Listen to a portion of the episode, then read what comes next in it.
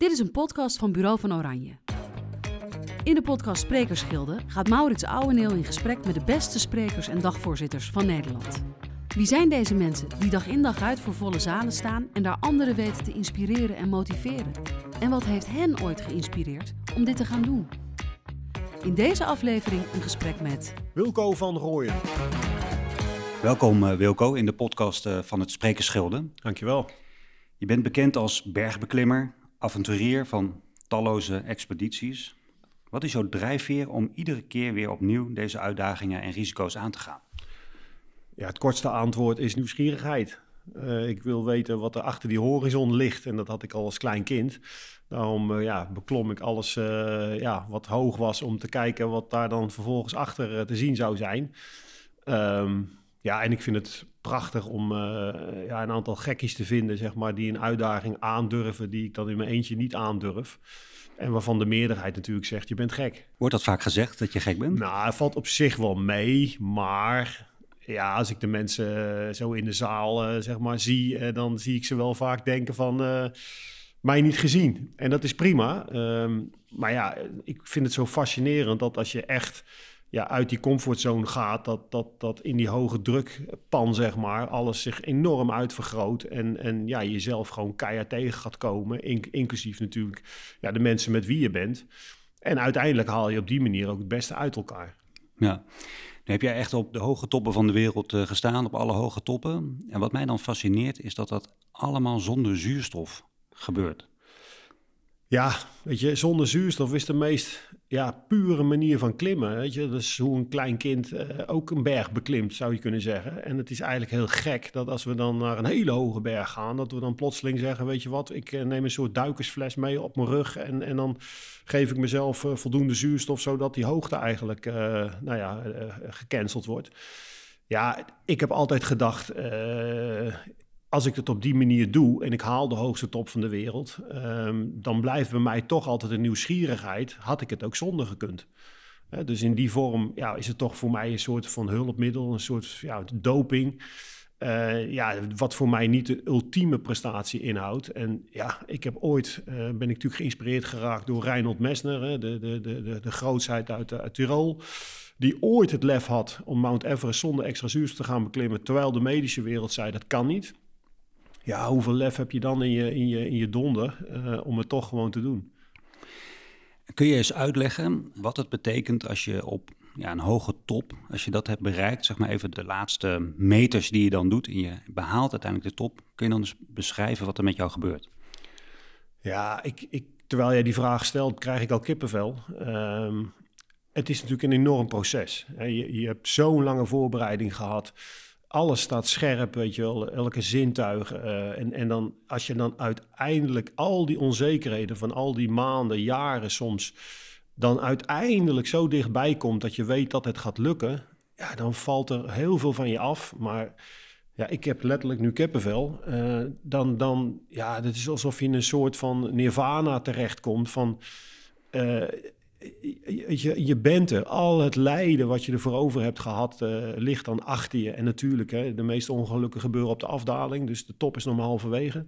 Maar de top bereiken, ja, dat is waar het allemaal om ging. En dan ja, val je in mekaars armen. Of je nou emotioneel uh, geënt bent of niet. Uh, zelfs de grootste atheïst, die laat aan tranen. Ja, en dan, uh, dan is het, ja, gewoon jongens, we hebben het geflikt, weet je. En, en, en, en je kijkt om je heen, je maakt een paar foto's en ja, dan weet je, oké, nu weer focus op die afdaling. Maar dat, dat moment, dat is een mijlpaal wat je de rest van je leven never nooit meer loslaat. En dat zijn ja, bijna de momenten ook waarvoor je geleefd hebt, als je dat dan een klimmen vraagt, denk ik. Oké. En jouw expedities hebben je veel gekost. Laten we er niet omheen draaien. Mhm. Je hebt uh, vrienden verloren, je hebt Mhm. collega's verloren. Mhm. Uh, op de berg heb je ze moeten achterlaten. Uh, je mist zelf bijvoorbeeld al je, je, je tenen. Ja, op één kleine teen na. Op één kleine tenen, oké. Um, maar wat heeft de bergsport jou als mens eigenlijk gebracht? Ja, ik hoop dat je me gelooft, maar echt alles. Ik heb alles te danken aan de bergen. En dat klinkt een beetje vreemd, want je zegt net van ja, het heeft je zoveel gekost. Maar ja, ik draai het echt vanuit mijn hart liever om. Het heeft me alles gebracht. Niet alleen in inzichten, ehm, maar gewoon alle ervaringen, alle liefde, alle dieptepunten, alle hoogtepunten. Ehm, ja, en misschien is ook wel de essentie van leven uh, ja, om, om, om de grote teleurstellingen in je leven te verwerken. Want op het moment dat je die weet te verwerken, ja, dan, dan zijn, de, de, zijn de, de opbrengsten die je dus uh, ja, daaruit haalt, zijn zo waardevol. En dat sterkt je zo ongelooflijk voor de toekomst weer. Dat ik zeg wel eens, ieder mens zou eigenlijk heel vroeg in zijn leven al een paar flinke teleurstellingen te moeten te verwerken krijgen. Want ja, daar, daar pluk je alleen maar de vruchten van in de rest van je leven. Met andere woorden, als je een soort kabbelend bestaan uh, leidt, dat vind ik prima. Maar dan wordt het einde, we weten allemaal waar we naartoe gaan. Uh, ja, wordt wel heel moeilijk om, om, om dat uh, nou ja, te verteren. En het komt natuurlijk nooit op tijd. Dan kan je beter maar heel bewust leven uh, en elk moment omarmen en, en de dingen doen ja, die je had willen doen. En ja, dat doe je als klimmer. Ik bedoel, je hebt het thuis natuurlijk ook over hè, het moeilijke onderwerp als de dood. Het zou natuurlijk onverantwoord zijn om een berg op te gaan zonder dat je het daarover hebt gehad. Maar eigenlijk geldt dat ook voor ons dagelijks bestaan. Ik bedoel, we weten hoeveel verkeersslachtoffers er in het verkeer vallen.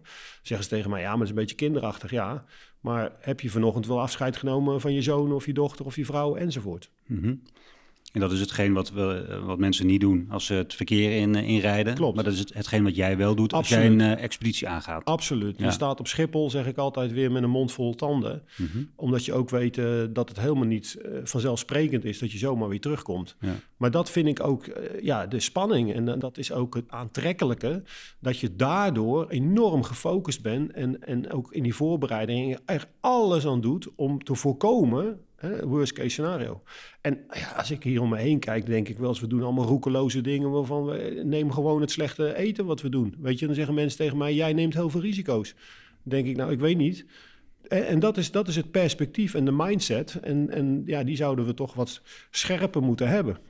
We zitten nu hier in de veilige omgeving van jouw basiskamp. Ja. prachtige ruimte. Als ik hier om me heen kijk, uh, zie ik eigenlijk uh, jouw leven aan de wand aan mij voorbij trekken. Mm -hmm. Wat betekent deze ruimte voor jou? Ja, heel veel, want alles wat je ziet is echt gebeurd. En uh, het gaat niet eens zozeer om mij als persoon, maar wel meer om, om zeg maar wie de mens eigenlijk is en waar een mens toe in staat is. En ja, ik heb ook de lessen uh, nou, learned aan de wand hangen. En, en dat zijn allemaal ja, gewoon doorleefde lessen. Hè. Die heb ik nooit op een academie geleerd. Maar ja, ze zijn van iedereen ja, van betekenis. En zowel privé als zakelijk. En ja, ik kan daar honderd uh, en één uit uh, vertellen, omdat ik het natuurlijk doorleefd heb. En, en daardoor denk ik dat het ook heel erg aankomt en bezielt. Ja, en dat is het mooiste wat er is. Echte levensverhalen. En, en, en die heeft iedereen. Um, maar ja, je zou ze wat meer mogen vertellen om andere mensen ook daarmee mee te nemen. Om, om nou ja, zij, hun ook eigenlijk op hun manier succes te laten beleven. Kun je ons eens meenemen hoe jij zo in het sprekersvak bent gerold? Ja, dat is heel interessant, want... Uh, ja, ik wist natuurlijk helemaal niet dat het vak bestond. Uh, ik, ja, ik was een, een, praatjesmaker, om het zo maar te zeggen. Uh, vroeger, uh, school was nou niet mijn sterkste vak. Ik was snel afgeleid, ik was handig, ik was creatief, ik wilde buiten spelen. Maar ik moest natuurlijk gewoon, net als vandaag de dag, nog helaas veel te veel in die schoolbankjes zitten. Maar goed, praatjes maken, dat kon ik dus wel. En uiteindelijk, ehm, ja, tijdens onze beklimming ehm, is eigenlijk mijn klimmersvriend Cas van der Gevel gaan schrijven over onze beklimmingen. En dat, uh, ja, dat viel op. En op een gegeven moment mochten we ook voor ja, sportverenigingen... en ik zeg wel eens bejaardentehuizen optreden... voor, ik geloof, 100 gulden op een avond of zo. En dat was altijd spannend. Dan reden we met z'n tweeën in uh, de Deux Chevaux van, van Cas in dit geval... want ik had toen nog geen auto. Dan reden we dan naar een of andere studentenclub of wat dan ook... en dan werden we met open armen ontvangen. En nou, dan deden we ons praatje en... Het ging natuurlijk toen nog heel erg over de inhoud uh, qua techniek, technisch klimmen en, en, en kijk eens hoe, uh, nou ja, wat voor bijzondere prestatie we hebben verricht. Ja, en dat, dat, dat groeide, want op een gegeven moment werden we een keer uitgenodigd bij een businessclub, geloof ik, voor, voor misschien 100 man. En als ik eraan terugdenk, moet het vreselijk zijn geweest, want we hadden toen nog twee diaprojectoren die dan in elkaar overvloeiden. En ik geloof dat we 300 dia's dan in die avond er doorheen persten. En, uh, en dan met ons verhaal erbij, hoe, hoe, geweldig het allemaal niet was geweest. Maar goed, uiteindelijk uh, ja, kregen we daar wel al wat beter voor betaald. En, en ja, uiteindelijk dacht ik toen, hey, dat is leuk. als ik dit, deze vergoeding bij wijze van spreken elke maand een keer binnen kan halen, dan, dan, nou, dan hoef ik niet te werken. Sterker nog, dan kan ik gewoon gaan klimmen. En dat was een soort ultiem scenario. Dus uh, ja, toen ben ik een folder gaan maken en, uh, met een vriendje van me. En uh, nou ja, zo, zo het dan gaat, een beetje verspreiden via je netwerk. En nou ja, blijkbaar sloeg dat aan, want uiteindelijk kwamen er uh, daarvan uit ja, meerdere aanvragen. En ja, zo is het eigenlijk gekomen. Dus, dus het professionaliseert eigenlijk, als ik het zo begrijp. Uh, ja, ja, ik ben er eigenlijk heel, op een hele natuurlijke manier uh, ja, ingerold. Ik, nogmaals, ik wist vroeger niet eens dat er bureaus waren. En ja, ik, ik, ik, ja, ik werd gewoon uitgenodigd om een praatje te geven. En ja, als ik het nu ook bijvoorbeeld naar mijn zoon zie, die, die heeft er ook totaal geen moeite mee om voor de klas zomaar uh, een of andere TED-talk uh, eruit te persen, eh, zonder dat hij dat echt voorbereid heeft. Dan denk ik, nou ja, dat, dat is iets, ja, dat heb je dan blijkbaar en dat geluk had ik. Mijn klimvriend overigens vond het vreselijk.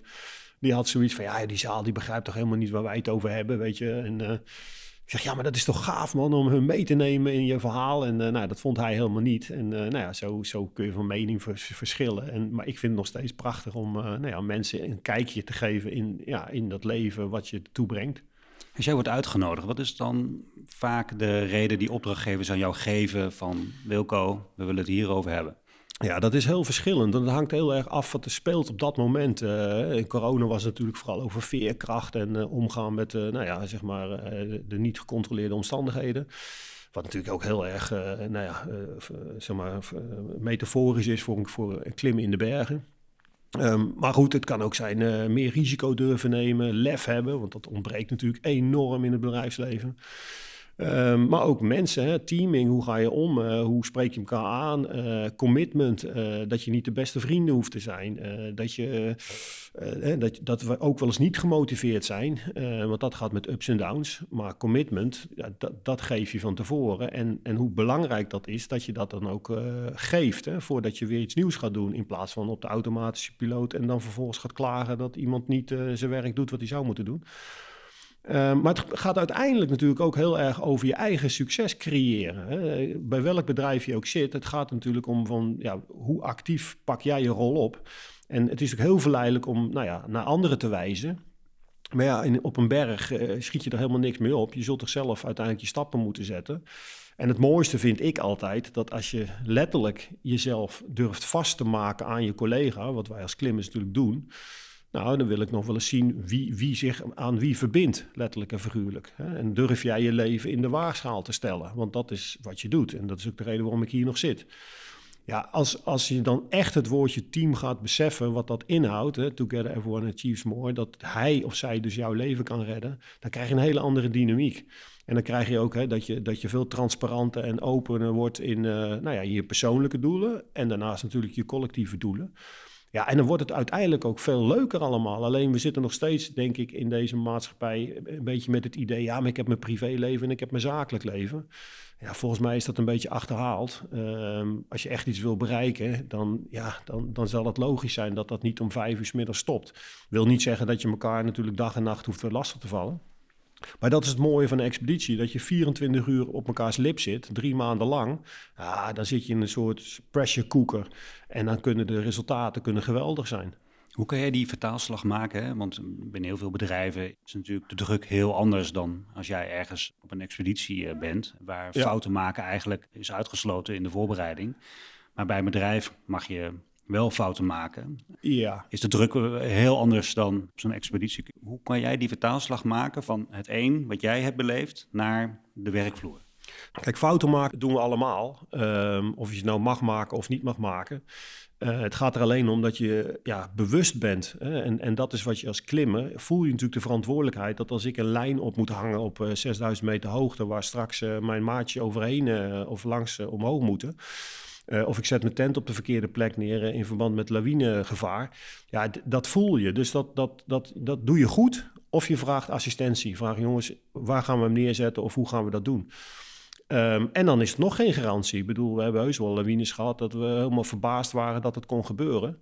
Maar ja, dat is, dat is, dat is ook het vertrouwen wat je in elkaar moet hebben. Um, ja, ja, en in het bedrijfsleven kan het, kan het volgens mij niet anders zijn dat als jij op een gegeven moment voelt, en dat is een hele belangrijke, hè, op intuïtief niveau van joh, ik weet het niet helemaal of ik twijfel ergens aan.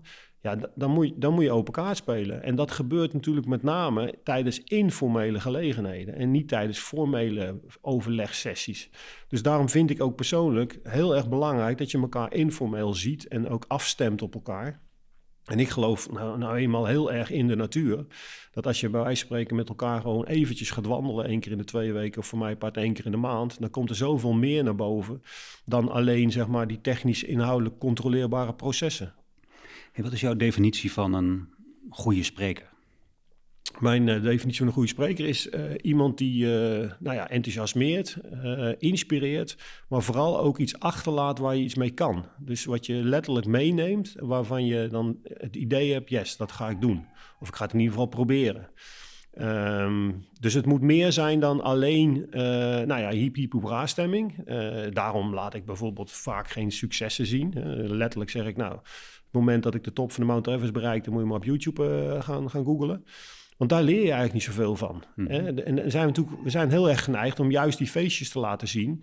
Maar je wil mensen juist bezielen. Dus hè, dat als je leven, um, nou ja, even niet volgens, uh, in controle is, of, of, of de situatie op je werk, omarm hem dan. Want dan ga je leren met elkaar. En dan ga je erachter komen wat je goede collega's zijn. En dan zul je ook zien dat de creativiteit uit een team naar voren komt. Waar je later van zegt: Wauw, dat we dat met elkaar geflikt hebben.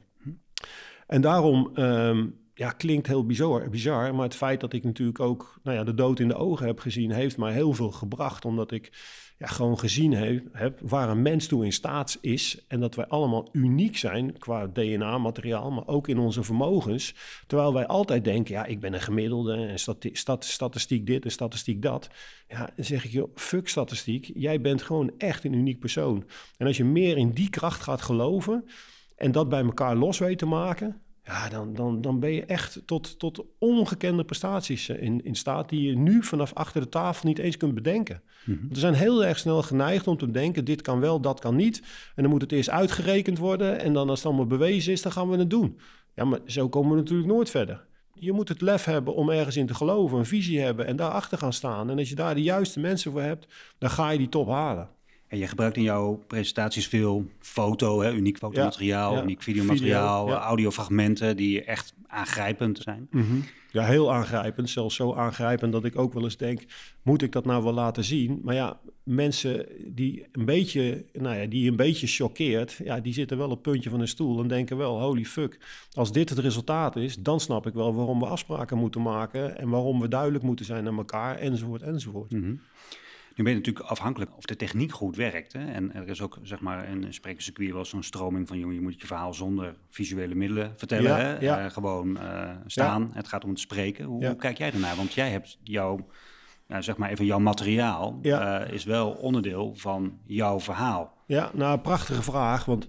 Um, Vroeger dacht ik ook altijd, nee, ik heb dat echt nodig, want uh, anders kan ik dat niet uitbeelden, want een beeld zegt meer dan honderd woorden. Maar goed, ik heb ook wel eens in de duinen presentaties mogen geven zonder iets, uh, met, met, met de natuurlijke elementen om me heen. Trouwens, nog niet zo lang geleden ook bij een kampvuur. Um, ja, en dan blijkt toch dat het ook aankomt. Alleen het is meer je eigen um, ja, ongemak dat je geen mooie beelden kan laten zien en, en, flinke winden kan laten horen. Ik bedoel ik geen, uh, maar de, de, de, de winden uit de natuur. Um, dan dat de lessen niet zouden aankomen, want die komen net zo goed aan. Anderzijds droom ik nog wel van uh, ja, nog meer vorm en, en beleving op dat podium. Want je kunt natuurlijk, als het over een berg gaat, ja, daar kun je natuurlijk, kun je natuurlijk qua lichten en, en, en, en, en geluiden kun je dat nog veel meer laten gaan leven dan, dan dat je nu alleen op een plat scherm zou doen. Precies, ja. Wel beleving kunnen toevoegen. Ja, ja. ja. dat is een soort theater wat je natuurlijk, dat, dat, dat mensen echt ja, proeven van, hè, je had het net over van hoe, hoe zien die laatste meters van de top eruit. Nou, dat kun je geweldig mooi uitbeelden. Ja. Is het niet iets wat eigenlijk iedereen in het leven zou moeten horen? Die verhalen die jullie als uh, avonturiers, bergbeklimmers ondergaan? Ik denk wel eens terug aan mijn kindertijd. Ik geef natuurlijk ook wel eens een, een paardjes op scholen en zo. En dan denk ik, wauw, weet je, in die klas, als je ziet wat mensen, wat kinderen tekenen bijvoorbeeld na zo'n na zo'n praatje. En, en dan denk ik, wauw, was dat maar eens langsgekomen toen ik nog op lage school zat. Weet je, we hebben zulke mooie, sterke ontdekkingsverhalen. Ook van Amundsen Scott naar Zuidpool. Weet je, dat zijn de meest zware menselijke expedities ever geweest. En de lessen die je daaruit kunt leren, ook in verschil, verschil van leiderschap bijvoorbeeld. Hoe verschillende, nou ja, Amundsen Scott, Shackleton, dat zijn allemaal figuren geweest. Daar kun je zoveel van leren. En ja, als dat langskomt, ook in kinderboeken, ik, ja, daar smul ik van. En dat is zelfs voor grote mensen, kun je daar nog ja, ongelooflijk veel uithalen en van leren. Dus we moeten die geschiedenis, zeker als Nederlandse ontdekkingsreizigers, ja, moeten we zeker niet vergeten. Daar mogen we echt wel, wel trotser op zijn. Het kwam even te sprake, maar uh, voor je expedities is het, de voorbereiding is eigenlijk alles. Ja, ja, weet je, ik zeg wel eens, het succes zit in de voorbereiding. Hè? op, mhm. op een berg, iedereen droomt natuurlijk van die laatste meters. Maar je bent maanden hè, ben je bezig om, om alleen al dat lijf te laten acclimatiseren. Uh, hè, dat is, vergis je niet. Als je op acht kilometer hoogte bent, dan zit nog maar een derde van de hoeveelheid zuurstof in de lucht. Iemand die daar naartoe zou kunnen worden gebracht met een helikopter, die sterft binnen drie minuten. Zo weinig zuurstof is er. Je hebt een zuurstofsaturatie, dat, dat, dat als je dat hier zou hebben, lig je op de intensive care toch zijn we weer in staat als mens om daar doorheen te komen als, het, hè, als je de wetten van de natuur respecteert. Maar daar ben je, daar ben je dus maanden mee bezig om dat ultieme moment te creëren. En, en ja, dat, dat zit in die voorbereidingen. En, en als mensen dan zeggen, ja, het is niet gelukt, want het was slecht weer. Ja, het, het, is altijd wel een keer slecht weer, maar er is ook altijd, zijn ook periodes geweest dat het goed weer was. Dus de vraag is altijd, ben je er op het juiste moment klaar voor? En, en, en ben je dan ook als team, sta je nog steeds overend? En wie zijn dan uiteindelijk de, de, de gelukkigen hè, klaar voor de top? Want eh, jij kan ook ziek worden en zwak, ziek en misselijk. Maar het gaat om de team effort en op het moment dat het dan toch lukt ja, dan, dan is, gaat, gaat alle aandacht, hè, net als met een voetballer, gaat natuurlijk naar degene die het doelpunt scoort. Maar we vergeten eventjes de trainingen die we daarvoor hebben moeten doen. Ik heb een uh, vraag van een uh, goede bekende van jou. En die gaat ook in het verlengde van de voorbereiding, maar dan over een voorbereiding in het sprekersvak. Ja. En de, de vraag komt van Mark Lammers. Ja, Wilco, leuk dat ik uh, een vraag mag stellen aan jou. wat ik altijd zo fascinerend vind van van jullie challenges is de voorbereiding. Dat is zo belangrijk, de voorbereidingen. Heb jij wel eens gehad dat je in de voorbereiding voelde dat het niet goed ging? En ben je dan echt gestopt? Of wat doe je dan als je ziet dat in de voorbereiding het niet klikt? En dan kun je natuurlijk vertalen ook als in de voorbereiding naar een bedrijf een presentatie moet geven en het klikt gewoon niet. Een CEO zegt dat hij heel hiërarchisch uh, wil zijn en jij zegt zelfsturend. Hoe doe je dat ook met jullie opdrachten? Je moet een berg beklimmen en je voelt in de voorbereiding dat het niet gaat lukken als team. Wat doe je dan?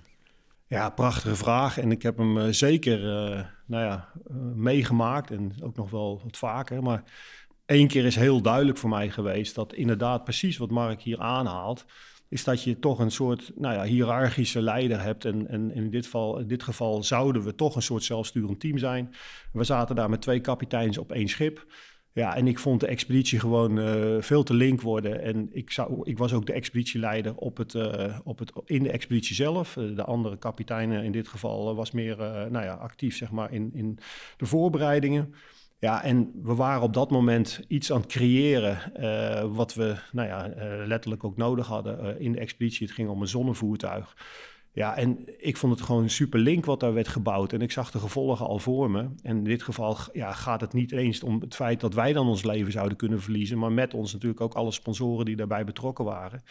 Nou ja, ik heb dat aangekaart en ik heb uiteindelijk daar ook de stekker uit moeten trekken. En dat, ehm, ja, dat is natuurlijk een gemiste kans. Alleen ja, het is nooit te laat om weer opnieuw te beginnen. En dus zijn we weer opnieuw begonnen met andere partijen. Maar soms moet je dat wel doen, want als je het laat lopen en het gaat mis, dan kun je niet zeggen, ja, ik wist het niet. en dat gebeurt maar al te vaak. En ik heb het ook wel tijdens een topbeklimming gehad, dat ik uiteindelijk de stekker eruit moest trekken. In, in, die zin dat ik terugkeerde, terwijl mijn maatje besloot om door te gaan naar de top. Ja, dat vinden mensen heel gek, hè? Want die zeggen, ja, maar de kan er niet. Je moet met z'n allen of thuis naar huis gaan of met z'n allen door. Nou, ik denk daar iets anders over. Ik denk dat als iemand de kans ruikt, waarom zou je hem dan niet nou ja, het succes gunnen en, en, en, en de ondersteunende rol oppakken? Maar dat zijn wel hele ja, moeilijke besluiten. Alleen pas als je na verloop van tijd ga je daar dan weer de kracht van inzien. Op dat moment is het rete emotioneel. Want op dat moment ja, wil je er niet aan. Eh, zeker niet als het ook nog eens jouw idee is. Hè? Dan gaat het ego spelen. Maar dit project heette notabene Clean. Nou ja, de definitie van clean is toch wel dat je uiteindelijk bij jezelf blijft. En dat je, nou ja, als je de gevolgen niet clean meer zijn, dat je dan uiteindelijk ook nou ja, zo clean bent dat je uh, het lef hebt om ook te zeggen, jongens, stop en hier niet verder. De vraag van Mark is tweeledig. Hij vraagt ook van, heb je wel eens in de voorbereiding voor een lezing gemerkt dat je denkt van, hé, hey, ja. dit gaat niet klikken? Nou, gek genoeg ehm, Ehm, ja, eigenlijk niet. Uh, ik denk dat het ook heel erg is uh, dat je jezelf aanpast aan het publiek. En ik snap wel wat Mark bedoelt hoor. Als je natuurlijk langer met elkaar gaat samenwerken. Uh, of, of in de voorbereidingen meer tijd met elkaar doorbrengt, dan, dan, dan zou je dit gevoel kunnen, kunnen, kunnen krijgen. Maar ja, heel eerlijk gezegd worden wij natuurlijk heel snel ingevlogen. Zijn we maar heel kort ja, bij de klant, om het zo maar te zeggen, betrokken. Wat wel super tof is natuurlijk, is dat je een kijkje in de keuken mag, eh, mag krijgen. Ja, en dan is het natuurlijk wel verschillend of je nou ja, in de ene tak van de industrie zit, of, of in onderwijs, of, of in de verzekeringswereld, of dat soort zaken. Uh, maar ja, ik denk altijd, joh, ik, ik vertel mijn eigen verhaal en ik hoop dat, dat jullie er iets mee kunnen. En ja, ik kan niet op jullie stoel gaan zitten. Dus in die zin, um, ja, gaan we tekort met elkaar om, om echt Um, nou ja, te beseffen van, joh, uh, dit gaat niet werken samen. Kijk, het is natuurlijk wat anders als zij uh, zeggen van, joh, het onderwerp is, ik noem maar wat, uh, leiderschap. En wij geloven in dit, dit, deze vorm van leiderschap. En ik ga mijn verhaal daar vertellen inderdaad over zelfsturende teams. Ja, dan, dan, dan, dan, dan slaat het natuurlijk nog kant of val. Um, dan, dan zou het ook niet gaan werken. Maar dat, dat, zo strikt worden de opdrachten nooit gegeven. Hoe ziet jouw voorbereiding op een lezing eruit? De voorbereiding op een lezing is ja, heel eenvoudig eigenlijk. In die zin dat je krijgt een uh, intake. Um, en soms, heel soms live, meestal uh, via de telefoon. En uiteindelijk uh, krijg je daar eigenlijk de handvaten mee van... wat is het thema, wat is het publiek, hoeveel mensen, dat soort zaken. Wat speelt er? En dan is het aan jou om dat uiteindelijk in je, je verhaal te verwerken. En dat is ook iets wat denk ik een ervaren spreker onderscheidt van een minder ervaren spreker. Is dat je natuurlijk ja, je verhaal daarop op op end. Ik, ik, heb zoveel expeditievoorbeelden dat ja, de tijd is ook altijd de beperkende factor. En hoe beter je dan weet zeg maar, waar ze op willen sturen, hoe mooier het is dat je daar natuurlijk voorbeelden bij kunt halen. Vind je het belangrijk dat mensen in de zaal iets gaan doen met de, ja, de praktische tips die jij aanreikt? Ja, ik vind absoluut heel belangrijk dat, dat mensen niet alleen geïnspireerd raken en eigenlijk weer overgaan tot de orde van de dag, maar toch dat je een zaadje plant waar ze nog eens over nadenken. Dus uiteindelijk wil je dat mensen geraakt worden en er nog eens over nadenken. En dat gebeurt ook meestal wel tijdens de borrel. Hè. Gaan komende vragen, voorbeelden. Daarom ben ik zelf ook altijd wel nou, een voorstander van toch heel even een rondje maken tijdens die borrel. Zodat mensen je aan kunnen schieten en informeel uh, nou, nog vragen kunnen stellen. Ja, en dan, dan weet ik ook zeker dat mensen, uh, ja, die gaan hierover praten. Die komen thuis en, en die, die vertellen natuurlijk, nou, ik heb nou zo'n maf verhaal gehoord. En zelfs voor kinderen is het natuurlijk super interessant om te vertellen over, hè, over bergbeklimmers die hun tenen missen. Ja, laten we, laten we er niet omheen draaien. Uh, maar ik vind dat zeker belangrijk. En ja, ik hoop ook echt dat, dat collega's onderling hè, elkaar ook in een vergadering of in een proces nog eens die voorbeelden tegen elkaar aanhouden. Van, oh, ben jij nou degene die als eerste opgeeft omdat ik koude handen heb? Hè? In, in dit soort taal. Want ik denk dat de sportmetaforen enorm behulpzaam kunnen zijn in, uh, nou ja, in, in, in, het, in het zichtbaar maken van je eigen gedrag.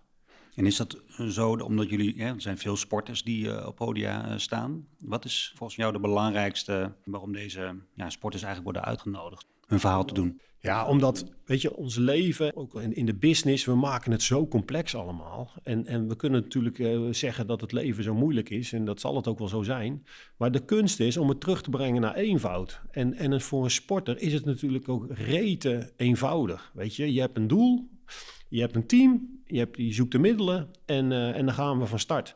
En er zit een kop en een staart aan. En dat wens ik ook eigenlijk iedereen toe, om meer in die termen te denken, met een kop en een staart. Want we denken altijd van, nou, dan gaan we weer een jaar. Ja, maar je wil wel op 31 december 2000, uh, nou ja, welk jaar je dan ook leeft, uh, zeggen, wat, wat was nou het doel? En zijn we er ook gekomen? En als we er niet zijn gekomen, zijn we gemotiveerd genoeg om het door te gaan. En dat soort, dat, soort, dat soort kritische vragen en ook nieuwsgierigheid uh, van ja, is, is het het allemaal waard geweest? Ik had het al over persoonlijke doelen, collectieve doelen. Ik denk dat, dat die gesprekken worden gewoon te weinig gevoerd.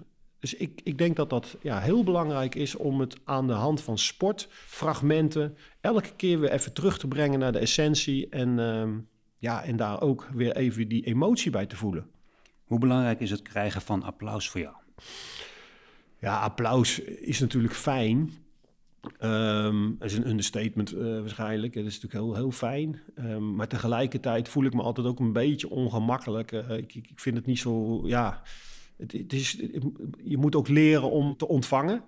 Um, ja, ik denk altijd van, uh, nou laten we maar overgaan tot de vragen, want dan, dan kunnen we het weer over de inhoud hebben. Precies, want dat vind je belangrijk. Dat vind ik belangrijk, ja. ja. En, en vooral over hun ervaringen. Dus ik vind die vragen, die, ja, die prikkelen mij altijd. Een vraag kan nooit te gek genoeg zijn, of te persoonlijk, of te chockerend. Wat dat betreft um, ja, zie ik mezelf ook als een, soort, als, een, als een soort breekijzer, wat hopelijk de gesprekken ook gewoon losmaakt. Want er leeft zoveel meer tussen, tussen je kop en je hart dan, uh, dan we vaak uh, in eerste instantie denken.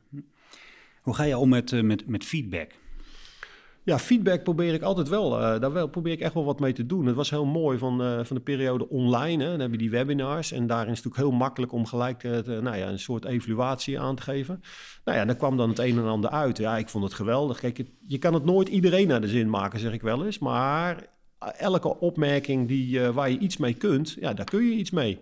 En dat, uh, dat is fijn, want, want uh, we denken wel eens dat als we applaus krijgen, dat, dat iedereen het geweldig vond. Maar er zullen altijd mensen zijn die ook kritisch uh, zijn. Alleen dat hoor je dan niet. En dan denk jij van, nou, dan je een mooi praatje houden. Nou ja, dan had ik toch liever gehoord van ja, wat, wat zij dan, hoe, hoe, hoe anders zij dan tegen bepaalde zaken aankeken.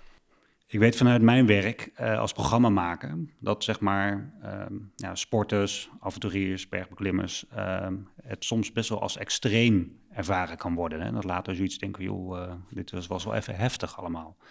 Zijn dat wel berichten die jou bereikt? Ja, dat mijn uh, lezingen heftig kunnen overkomen, dat is een ding dat zeker is. Um, en ik heb ook wel eens meegemaakt dat mensen geëmotioneerd de zaal uitliepen.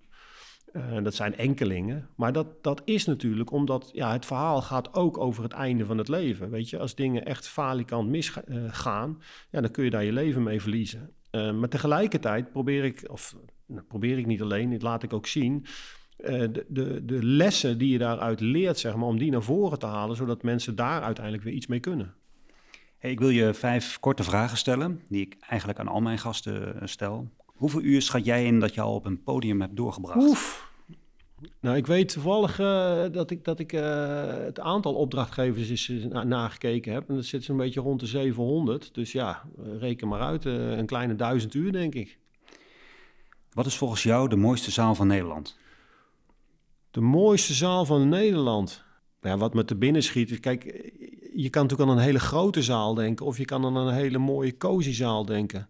Waar het voor mij op zit, is vooral de aankleding van de zaal. Dus de belichting en dat soort zaken. Ik denk dan toch aan monumentale panden.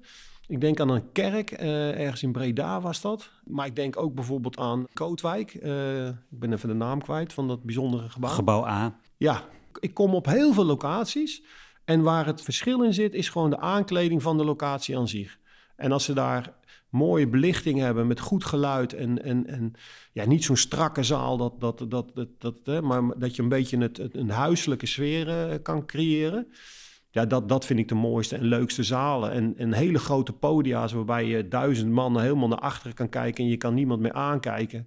Ja, dat, dat, dat, dan sta je daar een beetje als een pop te spreken zonder dat je contact hebt met je publiek. Daarover gaat wel de volgende vraag. Wat is het grootste publiek waarvoor jij hebt opgetreden? Ja, ik denk uh, duizend man of zo.